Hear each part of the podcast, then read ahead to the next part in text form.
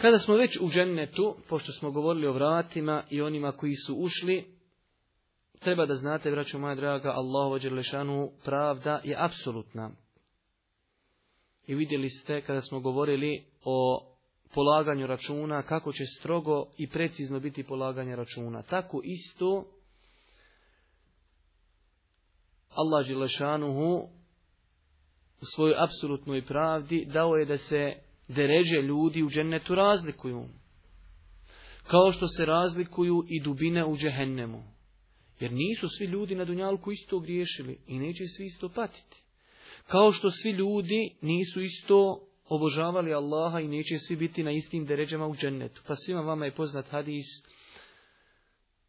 koji izbilježi Buharija, koji govori o Amidži Allahovog poslanika Ebu Talibu, da je poslanik za njega kazao, da je njegova kazna u džehennemu najblaža kazna, koja se ogleda u tome da će biti u vatri do članaka, a od toga će mu ključati mozak. Ali znači najblaža, ipak ima žešća, ima teža. Isto tako i džennet, stanovnici dženneta se razlikuju u deređama i stepenima. Mnogo je argumenata koji potvrđuju tu činjenicu, zbog skućenosti s vremenom mi ćemo spomenuti samo neki od njih, Kaže uzvišeni Allah subhanahu wa ta'ala, nakon što govori o ljudima koji radi za dunjaluk, nakon što govori o ljudima koji radi za ahiret u suri El Isra, u 21. ajetu nakon toga kaže Unzur kefe faddalna ba'dahum ala ba'd, tafdila. Gledaj kako mi jednima na drugima dajemo prednost. Pogledaj, na Dunjalku pogledajte, neko bogat, neko siromašan, neko lijep, neko nije lijep, neko ugledan, neko manje ugledan. Tu su razlike velike. Ali kaže uzvišeni Allah subhanahu wa ta'ala, gledaj kako jednima dajemo prednost na drugima i na ovom svijetu. Razlika u stepenima i prednost bit će dosta veća, odnosno i na, na onom se dajemo i na ovom svijetu, a i na onom svijetu će razlika biti mnogo veća. Ovdje ove razlike mogu se smatrati da su malehne za razliku kolike će biti razlike na ahiretu. Jedna od skupina koja će ako Bog da zaslužiti velike deređe, će znači ovo je dokaz ujedno da u džennetu postoje deređe, a ujedno i ukazujemo na skupinu i dijelo koje bi trebali činiti kako bi zaslužili što veću deređu u džennetu, a to je, kaže uzvišeni Allah, يَرْفَعِ اللَّهُ الَّذِينَ آمَنُوا مِنْكُمْ وَالَّذِينَ أُوتُوا الْعِلْمَ دَرَجَاتِ Zaista će Allah uzvišeni na visoke stepene uzdići one među vama koji vjeruju i kojima je dato znanje. Na visoke stepene, što znači postoje stepeni koji su niži i oni koji su viši. E na one visoke stepene će uzvišeni uzdići one koji su vjerovali i koji su, kojima je dato znanje. Kaže se od iskog izbilježenja Buharija i muslima od Saida al-Hudrija, kaže Allah poslanik, stanovnici dženneta će gledati druge stanovnike, kaže stanovnike soba, većih deređa gore, kao što ljudi na Dunjaluku gledaju zvijezdu kada se prolije. Tako će, kaže ljudi, gledati on je poviš sebe u džennetu. Litefadu lima bejnehum zbog različitosti među njima. Jedni gore visoko kao zvijezde. Pa kažu ashabi Allahovom poslaniku, Allahov poslaniće, vjerovatno su to deređe poslanika i to ne može svako dostići. Kaže Allahov poslanik, ne, ne, ne, može se to dostići.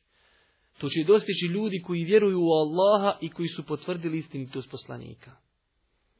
Takvi deređe su ovećane takvim ljudima. U drugom hadisku izbilježima e, Buharija od Ebu Hureyre, da je Allah poslanik kazao, ko vjeruje u Allaha i njegovog poslanika, obavlja namaz, posti mjesec Ramazana, ima pravo kod Allaha, je da ga Allah uvede u džennet. Kaže Allah poslanik, bez obzira borio se na Allahovom putu, ili kaže umro u mjestu gdje je rođen. Ima pravo kod Allaha da bude uveden u džennet. Pa kaže Osavi, pa Allah će, ćemo li da idemo ljude obavijest, efelanu vešeru nas, daj da idemo ljudima to kazat, lako, vjeruješ u Allaha poslanika, obavljaš namaz i postiš i imaš pravo te Allah uvede u džennet. Ali, i to kaže, bez obzira bio u džihadu ili ne bio, kaže Allah poslanik, alaihi salatu wasalam, Zaista u džennetu ima stotinu deređa koje Allah Đelešanu pripremio samo za muđahide. Stotinu deređa. Kaže razdaljina između jedne i druge je kao razdaljina između zemlje i nebesa. Kaže, zato kada tražite od Allaha džennet, tražite Firdeus. Firdeus je, Firdeus je, kaže, sredina dženneta i najviši nivo dženneta. Zato kada tražite, tražite Firdeus, to je sredina dženneta i to je najviši dio dženneta, iznad njega je Aršur Rahman, Arš uzvišenog Allaha subhanahu wa ta'ala. Pogledajte kako ovaj hadis uči insana da ima visoke ambicije. Vidjeli ste prošli put, ja u predavanju kažem, da je biti onaj zadnji uđen, što će ući, kad smo govorili u predaju od muslima. Ali nas Islam ne uči tome. Islam nas uči uvijek da budeš number one. Nikako bi te ljudi uvažavali, ali da bude nešto kvalitetno. Nas Islam ne uči kad ideš u školu da prođeš dvicom. Ne, da budeš najbolji u školu. E to mi nas uči islam. Kvalitetu, a ne kvantitetu. Pogledaj, kada tražite, traži Firdeus, ma ne budi zadnji, Firdeus. Znači, uči nas islam, uči nas islam mi. I ovakvi onaj, argumenti kroz historiju mnogo su ostavljali traga na ljude kada se govori o džennetu, deređama, dženneta. Svima vama je poznat hadijsko izviđujem muslim. Allahu poslani kada su bili u bitci na Bedru, kaže prije početka bitke, kaže kumu ila džennetin arduha semavatu val ardu, ustanite ljudi prema džennetu, čija prostranstva su kao zemlja i nebesa. Kaže, ja sam došao Boži poslanić.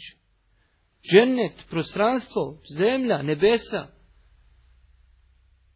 Kaže, behin, behin, kaže, Allah poslanić, zašto si to rekao? Ma kaže, da mi je da ja uđem u džennet. Kaže, nadam se da će ti biti jedan stanovnika dženneta. Kaže, pa je imao nekoliko datula u ruci, pa je počeo da jede. Pa kaže, ako ja budem živio dok pojedim ove datule, to je dug život. Pa je bacio, kaže, datule. Zna, ode, poslanik mu rekao, ti ćeš u džennet. Slomio je korce, kaže, svog mača i otišao. Borio se dok nije preselio. Ali pogledajte samo kako je to na njih reagovalo. Samo kaže, ustanite prema džennetu, gotovo džennetske kapije se otvorile, kako je to ostavljalo traga na ljude. Poznat isto hadis koji izbilježi imam Buharija, kada je došla majka jednog muđahida koji je poginuo na bedru. Iako je poginuo od zalutali strelice, kada je došao Allah poslanik u Medinu, ona kaže, Allah poslaniće, kaži mi šta je bilo sa mojim sinom. Sin se zvao Harife, a ona njegova majka. Kaže, ako je u džennetu da se strpim, ako je nešto drugo, kaže, Boga mi, vidjet ćete šta ću svašta uraditi misleći na to da će znači kukat, jer još nije bilo zabranjeno naricanje za umrlima. Kaže Allahu poslanik majko Harisova, kaže u džennetu to su stepeni, tu su deređe, a tvoj sin, kaže, on je u najvećem stepenu, on je u Firdausu. Znači, svi su ovo argumenti koji potvrđuju da u džennetu imaju stepeni, i da će se ljudi razlikovati u džennetu.